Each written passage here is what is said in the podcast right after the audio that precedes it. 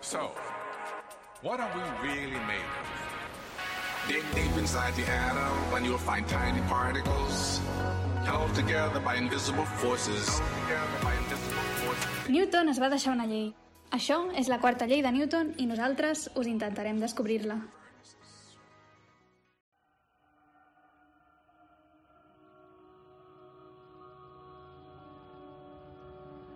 Fa justament 35 anys van succeir dos esdeveniments que podrien semblar aparentment inconexes, però que amb el pas del temps ha quedat demostrat que estaven estretament relacionats.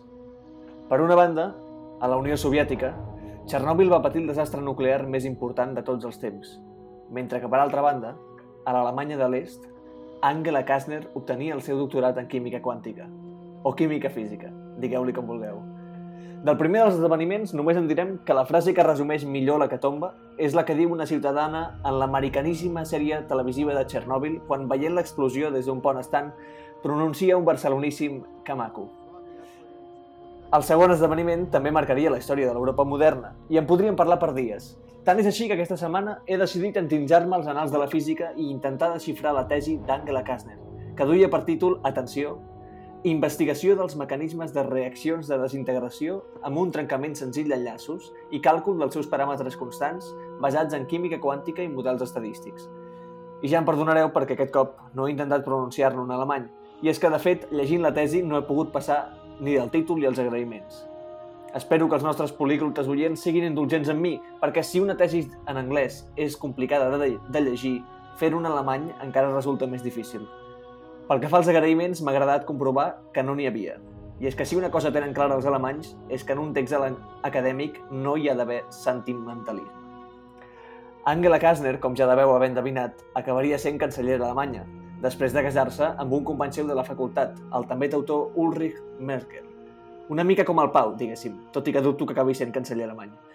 Avui, però, a la quarta llei, parlarem de tot menys de la doctora Merkel i l'accident de Txernòbil, L'hora de la veritat comença avui, com sempre, amb la secció Homo Físicos, una secció que al principi inspirava a ser la secció on parlar del món des dels ulls de físic, però ha acabat sent la secció de les fílies i les fòbies d'en Gerard, que a vegades confon la primera persona del singular amb la primera persona del plural.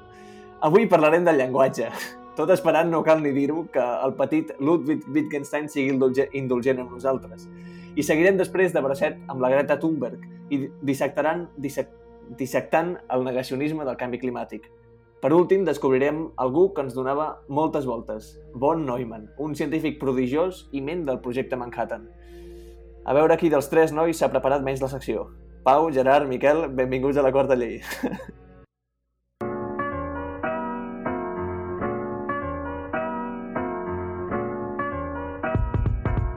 Uns paios sense ni puta idea de res, però amb més idea dels que no en tenen cap. Una cosa, nois, abans de començar, no sabia si comença així avui el capítol, però és que he pensat, no quedarà bé. Sabeu què he somiat avui? avui he somiat amb el candidat al rectorat, al rectorat de la UPC, Daniel Crespo. Oh. I he somiat sí. que li deia, li donava l'enhorabona perquè havia guanyat les eleccions i ella em responia, gràcies, Martí. Vaja. Res, era guanyat en Crespo? No, no, no ha guanyat. He somiat que guanyava, però no, no és que tingui cap mena de, de Però ja, preferència. Ja, ja han succeït les eleccions? No, No ho encara sé, no. jo diria que no. Se m'equivoc. El Jar i jo podem votar perquè som matrícules de l'UPC. Ostres, és Sí, veritat. ara hi corro. Ara hi Quin corro. honor, quin honor. Sí. Gerard, però vota, no? No votaré perquè són molt pesats amb el puto mail. O sigui, cada dos per temps es- em- m'estan fotent spam de, de, de candidatures. Gerard, tu recordes que vam anar a votar junts l'altre cop? Fer una foto votant allà. 2017 va fer molt de mal. Vale, perdó, Sí. endavant, Gerard. Comença la teva secció. Sí, nois, eh, res, anava a dir que m'has fotut una radiografia, o sigui, de fet, anava a parlar perquè eh, recentment he, he, rebut, bueno, he rebut moltíssimes crítiques de que ningú sap de què va la meva, la meva secció. O sigui, de... Sí? Per tant, Molt de sí, hate. abans de... que- Sí, molt de hate. Molt de Però hate. això està bé, la, te la teva secció és el basurero de, de, És del el basurero. De fet, la manera com ho he definit és que Homo Physicus és una secció lo suficientment ampla en contingut per tal de que no m'hagi matat, eh, m'hagi de matar buscant temes, però a la vegada és lo suficientment tancada com perquè, sigui una, per, com, perquè es pugui dir una secció. Saps? O sigui, o sigui és com una, eh, està en una línia, en una fina una línia que, bueno, que juga amb l'ambivalència aquesta. Però... El però- basurero. Molt sí, sí. descripció. El basurero. El basurero, sí, Gerard. El basurero. Eh, bueno, doncs, dit això, nois, eh, avui anem a depurar al màxim el podcast. Anem a desfer-nos de totes les capes que vesteixen aquest show. Perquè si al podcast el traiem... si al podcast li traiem les entrebancades típiques d'en Guillem, els es d'en Miquel i els acudits dolentíssims d'en Pau, qui ens queda? La teva secció. Exacte, ens queda la meva màgia. Sí, la... Però si inclús traiem això, només ens queda el llenguatge. I per tant, nois, avui a aquesta secció parlarem del, del llenguatge. I aquí ve la clau d'aquest episodi. Podem parlar del llenguatge sense tenir ni puta idea de què són els morfemes o les catàfores, o sobre quin és l'ordre del correcte dels pronoms febles? I això era una pregunta. és a dir, podem parlar nosaltres de llenguatge científics, nois? Ah, Sí, És un moment per recordar que... Endavant, perdó. No dic que, que per algú l'utilitzem, no, el llenguatge? Podem parlar-ne sobre ell? sí, però sí, igual fet. que utilitzes moltes altres coses, Miquel, que no sabries dir què passa. Bueno, però sí, jo, jo- jo crec que entenent el lloc que et pertoca dins de el llenguatge, si és que ens pertoca un lloc, en podem parlar. Però i, i aquest marró en el que ens has ficat, Gerard, que... Exacte, perquè aquest D'on ve marró en el tot que això? us he ficat... moment, però jo, ve a- jo anava a dir una cosa. la- Anava a dir que Pompeu Fabra era enginyer i va parlar de, de llengua. Exacte, està. nois, exacte, perquè no només el podem parlar, sinó que el podem analitzar. Eh, perquè som físics i al cap i a la fi el llenguatge no és més que informació. I aquesta és la clau de tot plegat, nois. I d'això és el que parlarem a, a continuació. Val? De fet, nois, m'agradaria parlar sobre un paper que es va publicar al Science, eh, perdó, a Science, eh, al setembre del 2019, és a dir, és bastant recent. I en aquest paper es feia un estudi sobre 17 idiomes diferents, entre els quals es va incloure el català, que m'ha semblat, semblat, sí, sí, m'ha semblat curiós. Vale, aleshores, en aquest, eh, per resumir-ho molt, en aquest... és que, Pau, no, no em puc concentrar, tio, de, dels comentaris que vas fer. Sí. Però un moment, un moment. Aquí, eh, per què fem un podcast en català? Eh? Hem de- hem d'empoderar sí, aquesta la sí, nostra sí. llengua. Sí, sí. Exacte. Val, aleshores, nois, eh, per resumir-ho molt, el paper, eh, en aquest estudi es van avaluar dues característic- característiques principals per a cada idioma. Val? Per una banda tenim la densitat d'informació, és a dir, eh, es va medir el contingut d'informació per síl·laba de cada idioma calculant l'entropia condicional. Val? No explicarem en detall què és l'entropia, però tampoc eh, caurem en el parany de dir que és com el desordre. Perquè això és molta gent que diu, diu, què és l'entropia? Bueno, és una mica el desordre i no és veritat. No és veritat, no és exactament veritat. Um, però bueno, en qualsevol cas no parlarem d'entropia, simplement que de buscar uh, això de la densitat d'informació és, eh, calcula, eh, bueno, està relacionat amb la varietat lèxica d'un idioma. Per exemple, per cada síl·laba en japonès en tenim 11 de diferents en l'anglès. És a dir, l'anglès té molt, moltes més síl·labes diferents i per això diem que l'anglès té una densitat d'informació més gran que el japonès. Ho sabíeu, això? Sí, No, vaig quedar bastant, ni idea. bastant. Jo, jo el que sabia és que l'anglès és l'idioma que més paraules té de, de tots els que es coneixen. Que té unes 700.000 o alguna així.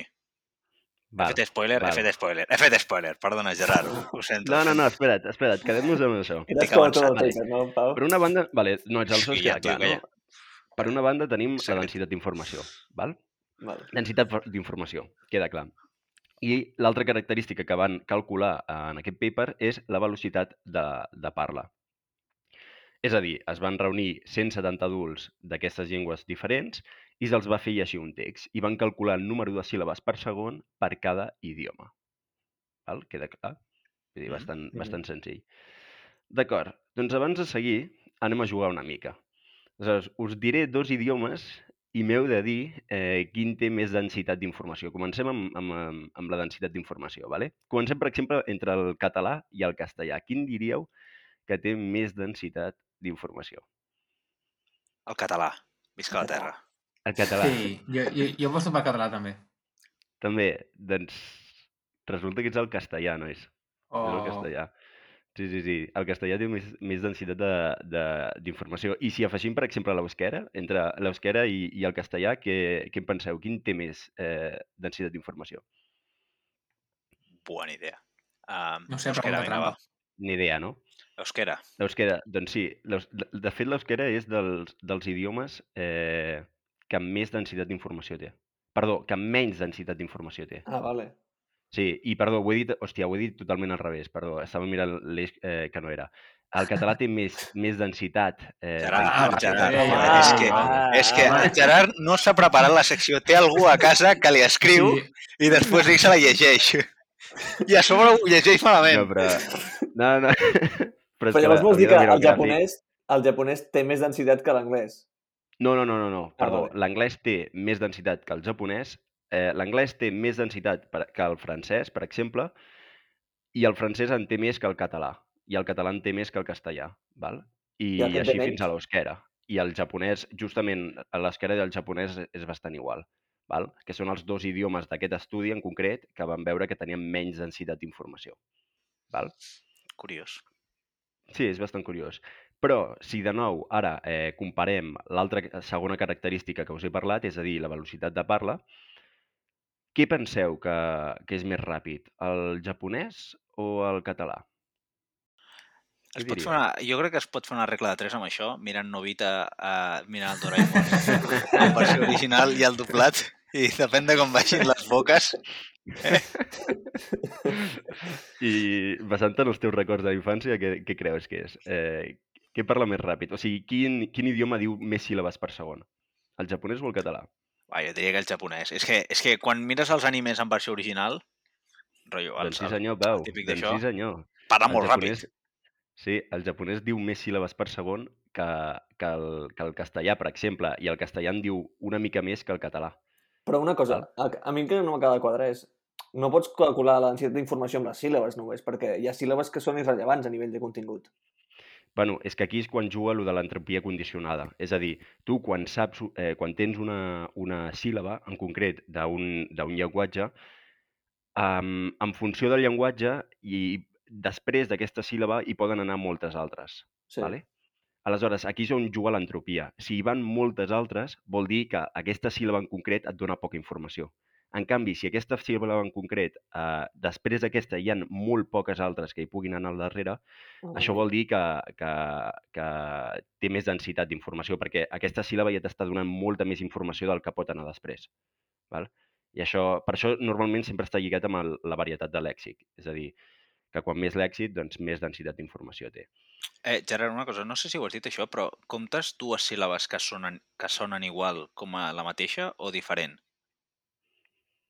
Què vols dir? Dues síl·labes que sonen igual. Per exemple, en català i en castellà eh, em sembla que no, perquè nosaltres pronunciem quasi com s'escriu. Ah, amb el castellà és un exemple molt clar, però en anglès, que Sí, sí, crec que- síl·labes... Sí, sí, crec que es basava en transcripció fonètica, eh? O sigui, Vale, vale. síl·labes... Eh, És a dir, tal com fonètica. sona. Sí, sí, sí. Vale, de totes maneres, crec que referenciem, referenciaré el, el paper perquè era molt instructiu, es podia llegir molt bé i era molt interessant. Sí, sí, abans Mm, mm, doncs bé, bé, llegiré. Ja, sí, doncs bé, eh, eh, nois, Per fer això. anava dient... Digues, digues, Mike. Espera, que jo, jo, jo només volia comentar que crec que per documentar-te per la teva secció t'has llegit més, més papers que jo tota la tesi, eh? Això És diu que és divertit, molt de eh? Gerard i un molt de tu. Esperem que el jefe no estigui escoltant això, eh, Miquel? I espero No, que però, riuràs, s'enriqui. però, però hi ha papers molt xulos i papers que, que són molt tontos i que, i que realment són bueno, trobades eh, impressionants, eh? o sigui, són descobriments molt xulos. bueno, dit això, nois, ens hem quedat que el japonès eh, van, o sigui, que els japonesos parlen molt ràpid, és a dir, diuen moltes síl·labes per segon, i, en canvi, per exemple, l'anglès eh, van més lents. No sé si ho heu escoltat, no, ho heu sentit mai, això, allò de que deien els, eh, els anglesos de que els espanyols parlen molt ràpid, amb monosíl·labs, i molt ràpid i molt ràpid i no se'ls entén? No ho heu escoltat mai? Jo ho havia escoltat alguna vegada. Doncs, bueno, eh, aquí queda confirmat, no? Aleshores, eh, la gran truea de- d'aquest paper és que si fotem aquestes dues eh, propietats, bueno, aquestes dues característiques de cada idioma, és a dir, la densitat d'informació ho posem a l'eix de les X i la, la velocitat de parla a l'eix de les Is, sabeu què en surt, nois? Una exponencial. Una braquistòcrona. No, A veure, un moment, si, si estem parlant d'entropies, això... Bueno, no sé. Eh, En Era allò de que una- feia exponencials, no? en surt una recta, nois. Una recta. Vaja. I això és molt xulo, perquè si dividim la velocitat de parla entre la densitat d'informació, el que estem avaluant és la informació que s'emet per segon. I el que ens diu aquest estudi és que la velocitat que s'emet per segon és constant. Parlis amb l'idioma que parlis. Per tant, la moralina de, de, que, de la meva I quina secció és? Quina és la que- velocitat? Quina és... Ah, quina és la velocitat? Bona pregunta. 39 bits per segon. Ostres. Home, déu 39 bits per segon. Déu nhi Sí, amb un cert error, però bueno, és al voltant d'això. Per tant, nois, moralina... L'error depèn de com de retrasat bueno, sigui l'error sempre, no? sempre hi ha error. sí, sí. Eh, per tant, nois, eh, moralina de la meva secció. Malgrat tenir cultures, tradicions i llenguatges diferents, al final tots som humans i tots tenim la mateixa capacitat cognitiva. És a dir, al final acabem eh, bueno, expressant, eh, informant a la mateixa velocitat. I amb això tanco la, la meva... 39 la bits meva per segon, però això no... Ostres. Sí, Guillem, uh, I 78 l'esperanto per... l'esperanto està inclòs o no? L'esperanto no. Però, no el qui parla d'esperanto? Vull dir, si parlés I- amb cara, però... I perdoneu, t'he de dir, Pau, que el vietnamita eh, té... O sigui, l'anglès és dels que, dels que té més l'èxit, però el Sí. vietnamita en té encara més. O sigui, té una densitat d'informació molt, molt més elevada. Però jo, jo em referia a paraules totals que es poden Sí, sí, sí, a parlar. paraules. Més o menys al final es pot relacionar una cosa amb l'altra, eh? La densitat d'informació amb Va, l'èxit. el vietnamita en té Però- més? El vietnamita en té més, nois. Sí, sí, sí. Jolín. És que Molt hi ha moltes no. coses al Vietnam. Però, per contra, el, els vietnamites doncs, parlen eh, més lents. És a dir, de tal manera que es compensi la informació que, es tramet, que transmeten per segon sempre que va sent la, la mateixa. Culpa dels americans, segur. Culpa dels, Ah. dels americans. I, no- Val i a no, dir que en el, en el món de la informàtica 39 bits per segon és una absoluta merda. O sigui, és una ja, absoluta bueno, merda. tio, però Però sí, sí, però sí, sí, eh, és curiós. els humans són merdes ja de per si. Bueno, sí, però...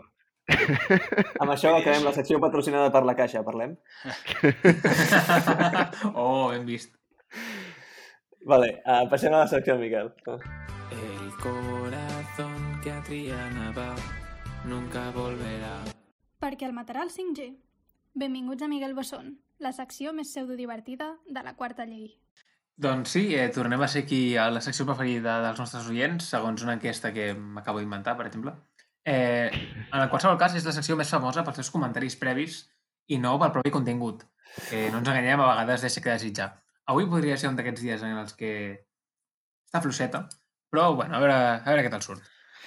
Avui porto tres comentaris previs, però dos d'ells estan relacionats amb el tòpic, així que em permetreu que un només és fora de context. I començo amb això.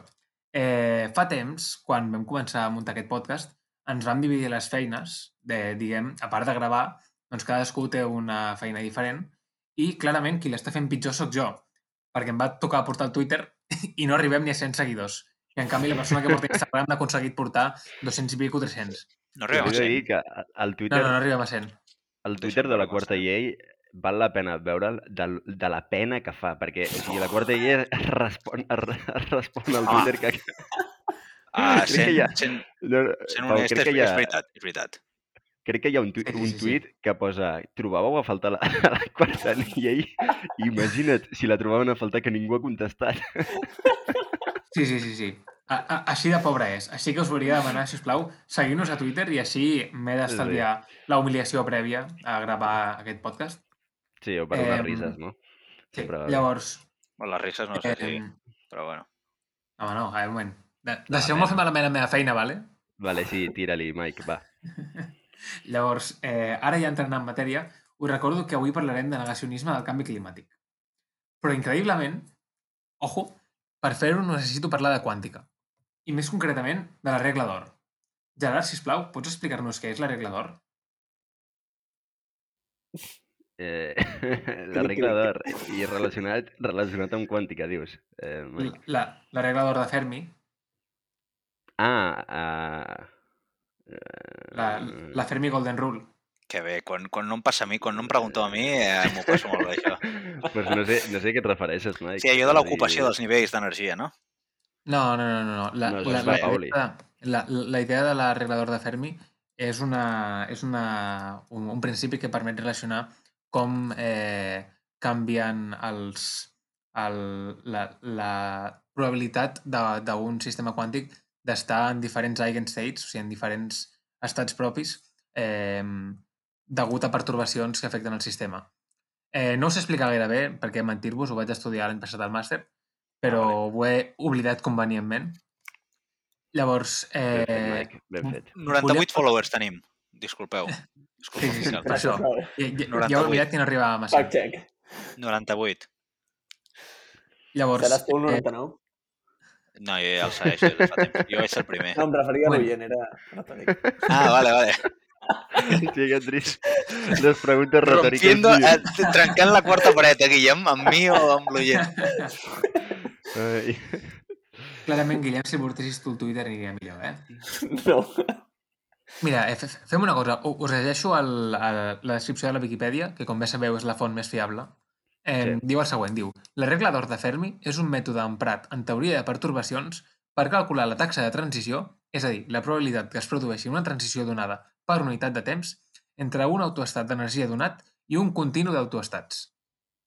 Vale, o sigui, ho entenc, però no sabia, no sabia que es deia la regla d'or de Fermi, això. Eh, tranqui, ara et perdonem, a la fi tampoc és l'important, perquè necessito parlar d'una altra regla. Necessito parlar d'una altra regla que està per sobre d'aquesta. És la regla de platí, o, com la devem conèixer en anglès, la Platinum Rule, descrita a la famosa sèrie de Com vaig conèixer la vostra mare. Llavors, intentaré ser el més fidel possible a una hipotètica adaptació que n'hauria fet TV3 de la sèrie de Com vaig conèixer la vostra mare, i llavors eh, aquest capítol es resumiria de la següent manera. En l'episodi de la regla de, de platí, en Bernat explica al seu amic Teodor que no ha anat a una, una cita amb la seva, que no ha d'anar a una cita amb la seva metgessa, l'Estela, ja que no ha de, de desenvolupar sentiments afectius cap al seu entorn més immediat. I, per exemplificar-ho, en Bernat li posa, tres, li, li posa tres exemples. Quan la Roberta, amiga seva, es va enrotllar amb un company de feina, o quan els seus amics Marçal i Laia es van començar a portar amb els seus veïns, o quan ell mateix, el senyor Bernat, es va embolicar amb la cambrera del bar. Aquesta regla es detalla en vuit passos que es donen en aquest tipus de relacions amb gent del teu entorn més proper. Llavors, avui no parlarem de la regla de platí de- d'aquesta sèrie, però parlarem de la regla de platí del canvi climàtic. Perquè el Sí. meteoròleg... Tot, tot, tot, tota aquesta explicació per res. Un moment, un moment, esteu acostumats a això, a les meves seccions, esteu acostumats i deixeu-me viure, va- vale? O sigui, Vale, està, vale. estava clar que trobaria una en excusa... castellà hi ha una, hi ha una frase, no?, per resumir tot això de, de la regla del platí, aquesta de... No és... Bueno, és igual. Donde, donde tingues la olla... Sí, bueno, clar. De, de, de fet, a la, a, perdó, a, I que l'oient acabi la frase. No meteos l'oreja. a, la, Filip de gaps. A, a, la sèrie, a la sèrie en anglès, que és com jo recordo haver-la vist, eh, la, la frase que diu literalment el senyor Bernat és eh, don't poop where you eat, és a dir, no facis caca on menges. Exacte, exacte, exacte. Bueno, eh, val a dir també que aquesta sèrie està lluny de ser el nostre referent, però em feia gràcia recordar-ho perquè és una sèrie que la veritat és que segurament tots hem vist, o Sí, gran part de nosaltres. sí, sí Llavors- tardes de Neux.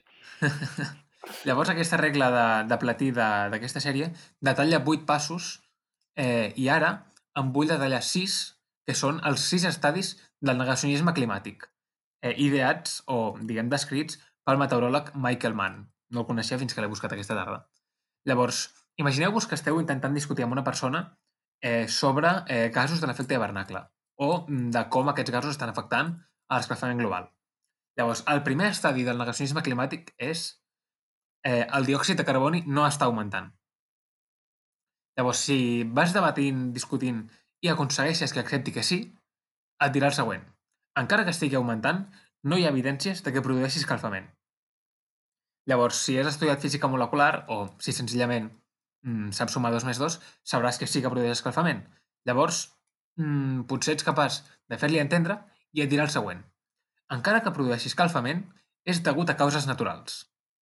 Llavors, clar, les causes naturals són molt xules per explicar tot allò que no saps explicar, però és cert que, que això no és un argument que ens valgui a nosaltres. Llavors, eh, quan intentes fer-li entendre que això no val, a tirar el següent. I aquest és el quart nivell del negacionisme climàtic. Encara que no es pugui explicar per causes naturals, els humans no hi tenim a veure amb l'escalfament. Llavors, aquí és quan ja comences a veure que aquesta persona realment no es creu el que està dient i llavors ets capaç de portar-lo a a la conversa més cap a que se n'adoni de que s'equivoca. Llavors, el cinquè estadi és encara que els humans estiguem provocant l'escalfament, els efectes seran beneficiosos per nosaltres.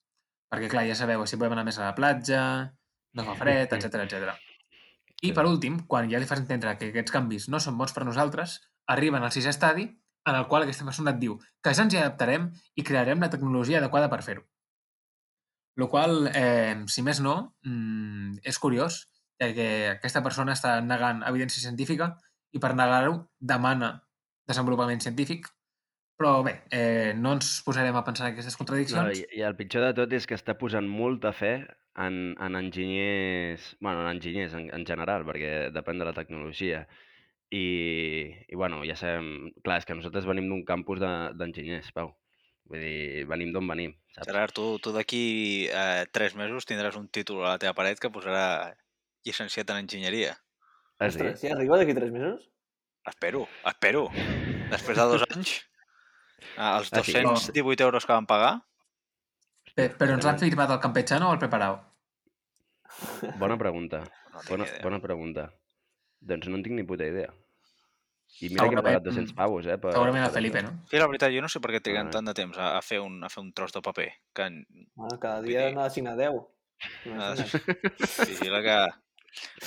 És com quan llegies un, un llibre a l'ESO, eh? Cada dia 20 pàgines. A l'Audiència Nacional no li agrada. Felipe, podcast. toca el 10, vinga. un moment. Eh, eh, L'estratègia era llegir-se el dia abans. Sí, llegies tot el llibre el dia abans i, i, i te'n recordaves de tot. Sí, no, el resum, no, cabron? Però què resum ni què resum? Tu te'l llegies sencer, Pau? El dia abans, les Perdó, 200 pobre pàgines. Miquel, va, que, que el Miquel ens estava explicant sobre el negacionisme No, jo, jo, Disculpa, jo disculpa. estic deixant, jo us estic deixant perquè m'ompliu la secció perquè la veritat que ja se m'està acabant, Jutjat. però No, eh, no passa res. Jo, jo Fent acabo fent el fent... carrito, eh, aquí. No, però, Eh, sí, sí, clar, clar. no, però Mike, ja ho has dit que era una merda i... No, no. I no t'equivocaves, Miquel. Estaves... no, no, no, un moment, que encara no he acabat, que encara no he acabat. O sigui, jo, jo he comentat que era una de les seccions amb les quals Molt ha de remuntar la cosa, cosa, Pau. segur em, em, em sentia, però escolta, Ara, espera, espera, vinga. Ves pensant, ves pensant eh, pollites d'aquestes i al final. Miquel, segueix. Exacte, al final. Gràcies, Pau. Eh, llavors, sí, he decidit comparar aquesta, mm, aquests sis estadis del negacionisme climàtic amb la regla de platí de com vaig conèixer la vostra mare i segurament no compreu el paral·lelisme. Mm, jo tampoc ho faria. Però eh, la meva ment aquest matí no ha donat per més i eh, només volia felicitar-vos perquè si mai arribeu a una conversa a l'estadi 6 amb el vostre negacionista de confiança, enhorabona, heu fet bona feina. Llavors, a part d'això, m'agradaria destacar dos dels moments més estel·lars pel que fa al negacionisme climàtic.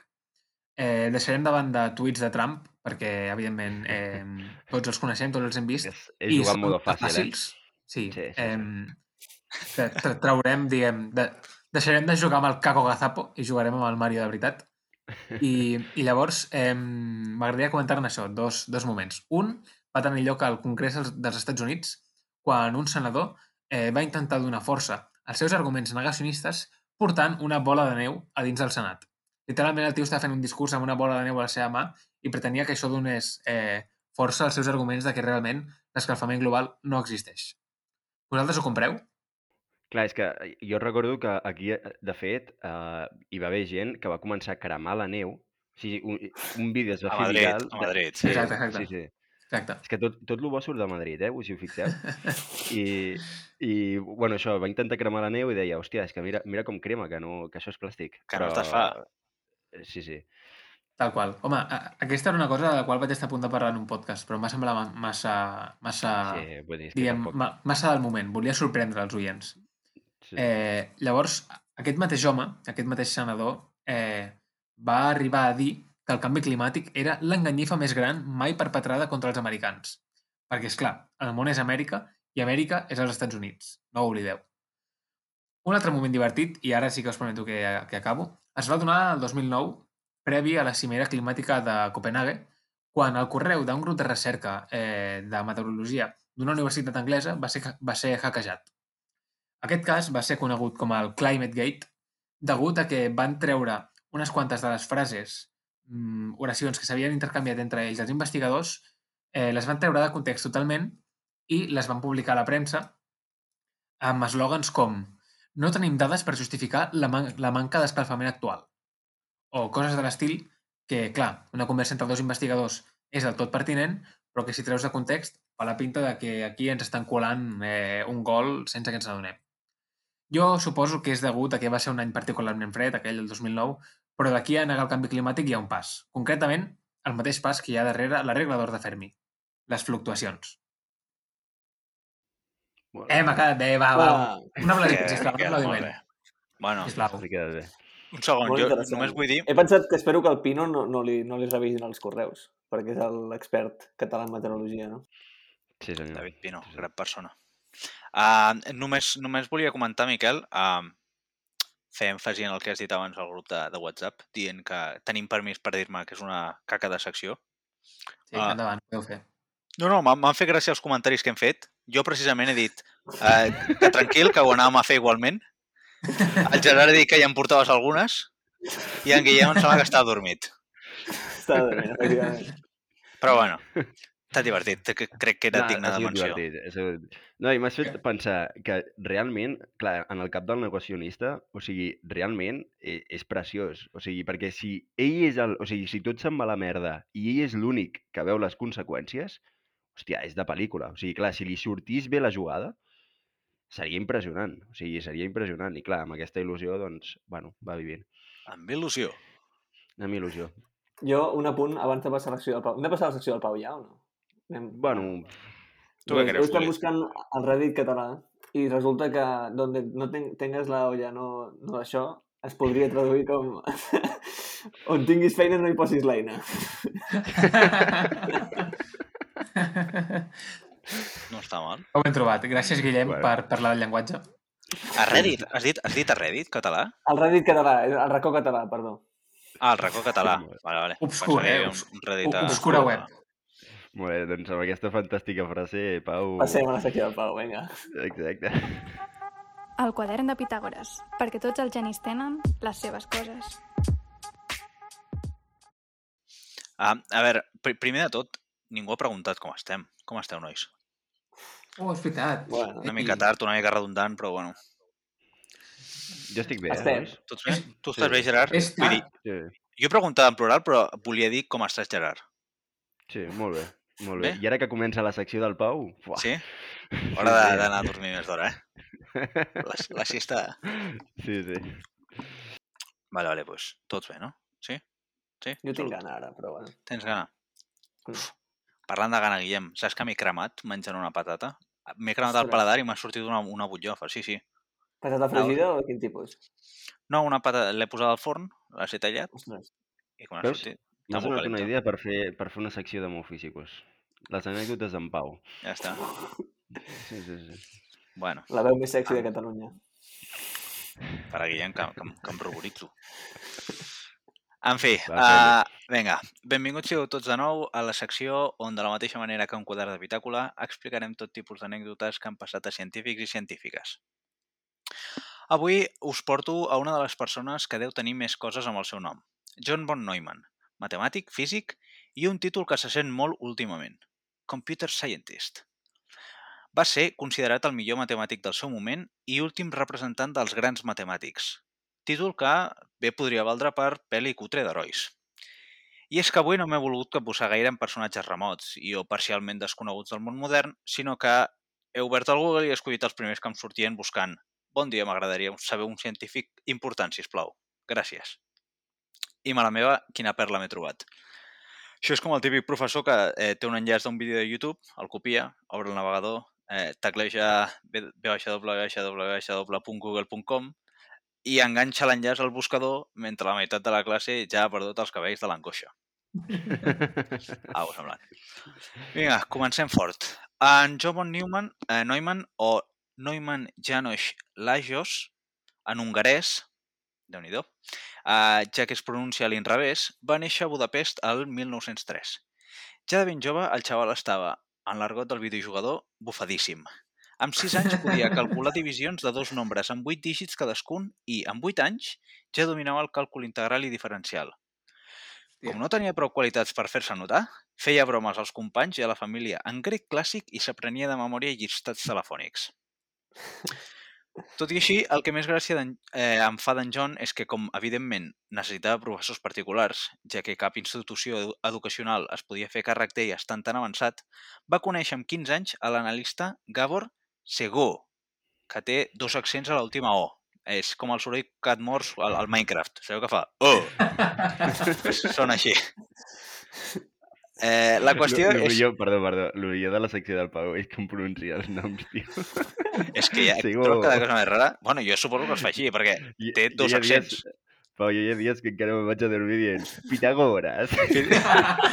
Pitagores. Tu, que és que he, he, he hagut de mirar si, era, si realment era el soroll del Minecraft Ai. i, i sí que ho era. I a més sona, sona igual, sona el oh. Saps quan et mors? You died. En fi. Eh, la qüestió és que en Gabor es va quedar tan impressionat amb el noi que va acabar plorant de l'emoció. I poc més tard, amb 19 anys, eh, von Neumann ja havia publicat dos, dos, eh, dos papers en matemàtiques. Els propers anys començaria a cursar un grau en enginyeria química a la ETH de Zurich, ja que el seu pare Joder. és que el seu pare pensava que seria més pràctic que les matemàtiques. Simultàniament, però, es va fer doctorant en matemàtiques a Hongria. L'any 1926, i amb 23 anys, es va graduar de les dues alhora. Un amic seu comentava Evidentment, una tesi doctoral i una examinació no constitueix un esforç apreci- apreciable per en John, que, eh, si ho traduïm a l'hongarès a través del grec i fent servir runes èlfiques, vindria a ser algú com es va passar tot el temps fent el molinet amb la titola mentre escrivia amb un bolígraf entre el dit petit i el quart dit del peu. Perquè us feu una idea de com de sobrat anava aquest paio, a finals del 1927 ja havia publicat 12 papers en matemàtiques i a finals del 1932 un total de 32, el que fa un rit d'un paper al mes. Això és més que l'amic del Miquel que es va voler passar d'avariciós, aquell que, aquell que publicava el, el Nature. Sabeu qui dic, no? Sí, Sí, sí. El de la cinquena secció de podcast, vuitena, onzena, no me'n recordo ja.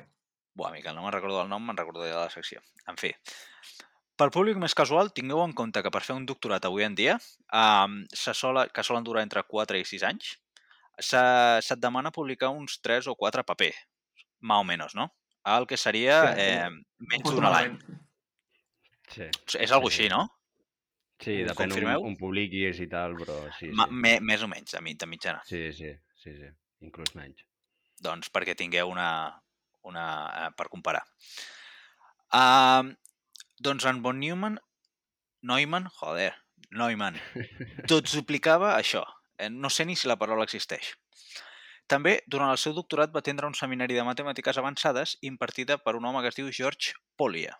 Segons les paraules d'aquest, durant el seminari va sortir un teorema, el qual vaig advertir que no estava demostrat i que era massa complicat per passar-nos-hi més estona o perquè uh, algú el, el demostrés.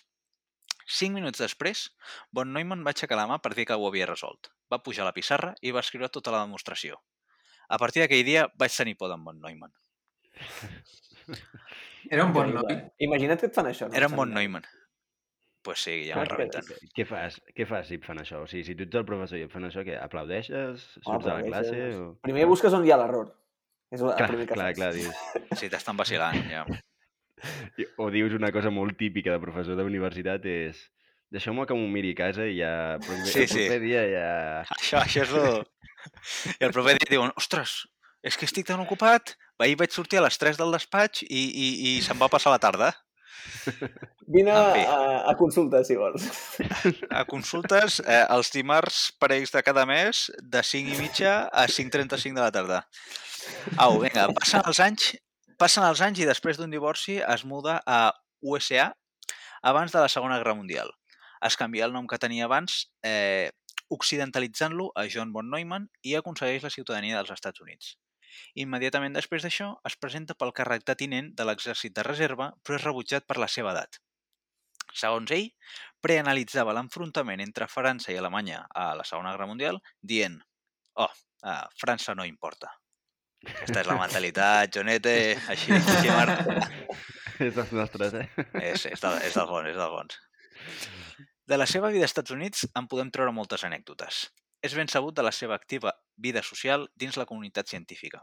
Sovint realitzava més d'una festa per setmana a casa seva, on la seva habitual imatge d'home perfectament vestit passava a segona instància. Allà es divertia amb els convidats fent acudits verds i de jueus i de tant en tant jugaven amb la seva dona a un joc curiós. De la seva extensa biblioteca, ella agafava un llibre a l'atzar, l'obria i llegia una línia d'una pàgina, amb dues també a l'atzar. A partir d'aquí, von Neumann recitava de memòria la resta de la pàgina. Collons. I vosaltres que us sentíeu satisfets recitant un poema de 12 versos al sopar de Nadal, eh? Sí, sí. Mare I això, espera't, i això divertia a la dona. Eh, I a tothom, aparentment. A tothom, no? A Sí. tothom. És increïble, això, eh? Increïble. Quants llibres hi havia a la biblioteca? Clar, clar, Era, si no, no, era, dos, era de les extenses, era de les extenses, era de les grans, eh? li agradava llegir. Bé. Li agradava memoritzar-se i tal. Eh, de fet, tenia memòria aidètica, d'aquestes, memòria fotogràfica. Sí, sí. Um, I bé, uh, els seus interessos també es dirigien cap a la història, uh, especialment bizantina. De fet, un amic seu especialitzat en història bizantina va dir que en von Neumann era molt més expert del que ell ho seria mai. XD. Finalment, li agradava bastant conduir, però ho feia molt malament. Ho feia tan malament que sovint conduïa llegint un llibre o havent begut una mica, el que comportava alguns accidents i o arrestos. Durant uns anys en què va estar treballant de consultor a IBM, l'empresa de computació, la mateixa empresa era la que li pagava totes les multes de trànsit. I no m'imagino el que li devia cobrar l'asseguradora. Una altra anècdota eh, interessant ve el dia que li proposen el següent problema. I vosaltres també podeu intentar resoldre. És un problema de, de cinemàtica. Si tenim dos, dos trens separats, 200 quilòmetres entre ells, que es mouen a, 100, a 50 km per hora cadascun en la mateixa direcció, l'un cap a l'altre, i hi ha una mosca ultrasònica que es mou a 75 km per hora partint del primer tren cap al segon, d'acord? I tenint en compte que quan arriba el segon dona la mitja volta cap al primer i així successivament, d'acord? Um, quina és la distància recorreguda per la mosca quan xoquen els dos, els dos trens? Pausa el podcast si vols in intentar la solució. Què me'n dieu vosaltres? Com, com ho solucionaríeu, almenys? A, a mi em sona haver vist una, algun vídeo de solucionar un problema semblant i, i, i per si de cas no vull revelar-ho perquè no ho sabria dir bé i potser faré un spoiler. No, és que, és que això és una marcada, Pau. O sigui, ara ens fas pensar, Eh, tio, i, no, però com, i si la com ho pensaríeu? És a dir, la, la manera lògica d'això és que tens els trens, eh, els dos alhora, eh, un contra l'altre, d'acord? Per tant, si una mosca va més ràpida que el tren, arriba a l'altre i torna, has, Sí. has de sumar totes les, totes les eh, distàncies ok. entre si, no? I vull dir, al final tens una suma infinita perquè els trens es van apropant entre si i la mosca cada cop canvia més ràpid de tren, no? I acabes Sí. tenint una suma eh, eh, eh, progressió geomètrica, no? Sí. Sí. Què passa? Que Newman diu immediatament 150 quilòmetres. I el que li havia proposat el, el programa va dir eh, que estrany, la majoria de gent ho intenta resoldre fent una suma infinita, que és el que hem proposat nosaltres. I el que Newman va respondre, no entenc per què em dius això, eh, jo ho he fet així. La gràcia, la gràcia Jo això, així que vols dir. que, que. Sí, que ho havia, va. ho havia fet mentalment amb la suma infinita. La gràcia d'això és que hi ha un truc i està en veure que com els dos trens van a 50 per hora, d'acord, entre ells i estan a 200 km per hora, acaben xocant al cap de dues hores. Oi que sí? Quan els dos han fet 100 Sí. quilòmetres. Sí, Per sí. tant, com que la mosca va a 75 km per hora, 75 per 2 eh, són els 150 quilòmetres. D'acord? Mm. Mm, És una altra manera de pensar en el problema. Vale, sí, en comptes de liar-se i fer la suma de totes Sí, aquestes distàncies. D'acord? Suposo que el bon Neumann va pensar en aquesta manera i li va prendre el pèl a l'altre dient que havia fet la suma infinita. Però bueno. Uh, en definitiva.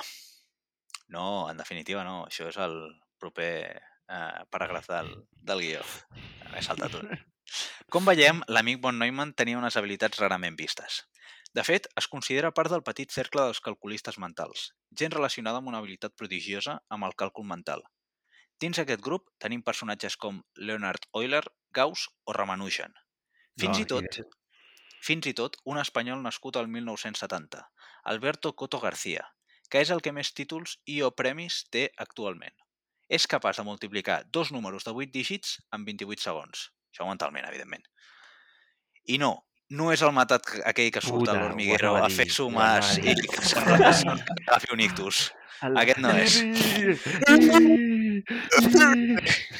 No, no, aquest no és. Merda, tio. Té, té més cabell. En definitiva, ara sí, en von Neumann va fer de tota la vida i no es va quedar gens curt, gens curt en contribucions a la ciència, de les quals els cito algunes. La formulació matemàtica de la mecànica quàntica, teoria de conjunts, teoria de jocs, economia matemàtica, els primers avenços en computació o fins i tot va preveure el descobriment de l'estructura de l'ADN mitjançant anàlisis matemàtics de l'estructura de replicació. També va contribuir a l'infame Projecte Manhattan, del qual podríem fer un podcast especial, eh, realment, ja que segur que hi ha moltes coses que el, el públic general no en sap. Així que Sí. Faig una crida als internets de la quarta llei. Bueno, si pugem, si pugem el número de seguidors de Twitter, jo em comprometo a fer un, un Especial, de... especial, especial 200 seguidors, no, especial 100 seguidors, especial 100 seguidors, que en queden dos. O dos comentaris en un tuit. Especial dos comentaris en un mateix tuit. complicat No sé, això, no eh? sé, Crec que no no ho és he fet mai. difícil, eh, Gerard? En fi, eh, la seva feina la seva feina al projecte Manhattan va ser eh, molt probablement el que l'acabaria duent a una prematura mort per càncer, que hauria estat causa eh, de la radiació de Los Alamos a New Mexico. I tot i haver estat agnòstic la majoria de la seva vida, abans de morir es va convertir al, al catolicisme, comentant-li a sa mare «Ha d'haver-hi un Déu. Moltes coses són més fàcils d'explicar si n'hi ha un que si no n'hi ha». Si ho deia ell, qui, qui som nosaltres per dir que no? Ja, ja, no ens ha Fa el que rebentat. mateix. Eh? Raó no li falta. Molt bé. Jo només em queda una pregunta. Quina és l'estratègia que fa servir l'espanyol aquest que multiplica per multiplicar dos números tan ràpidament? Perquè segur que hi ha una estratègia diferent de la que tu faries servir. No ho sé, la veritat, no, no, he, no he indagat més en això. El que sé és que, um, vull dir, calculen mentalment molt més ràpid el que ho fem nosaltres. I, i ja està. No sé si hi ha estratègia darrere això o pràctica, més que, més que res. De fet, tens a, a internet, que l'he vist abans, a YouTube hi ha un vídeo del tio que va a un programa de, de la 1 o algun canal d'aquests eh, ronyosos, on fa en directe un, eh, rècord, un rècord Guinness de sumar 100, 100 números d'un dígit, d'acord? Uh, en 22 segons o alguna així. Oh. Molt bé. Molt boig, molt bé. boig, molt boig. Molt Em queda, interessant. em queda dir que el temps, el temps lliure en pau, eh? En mirar què? vídeos de, de, de records Eh, Guinness perdona, de... m'informo, tio. M'informo, Gerard. Vinga, nois, Molt deixeu aquesta discussió per més endavant, que els nostres oients ja no No volen en tenen sang. prou, eh? De qualitat. De qualitat, tu. Ho deixem aquí per avui, però Visca la ens terra, escoltem... la- collons. I visca el Ronesco i Sant Jordi. Tornem la setmana que ve i moltes I gràcies, Núria. I els. I els aquesta és la quarta llei. Quod erat demonstrat. Núria, una capa. Si la voleu entendre més a fons, escolteu-nos al proper episodi i seguiu-nos a les nostres xarxes socials a arroba la quarta llei.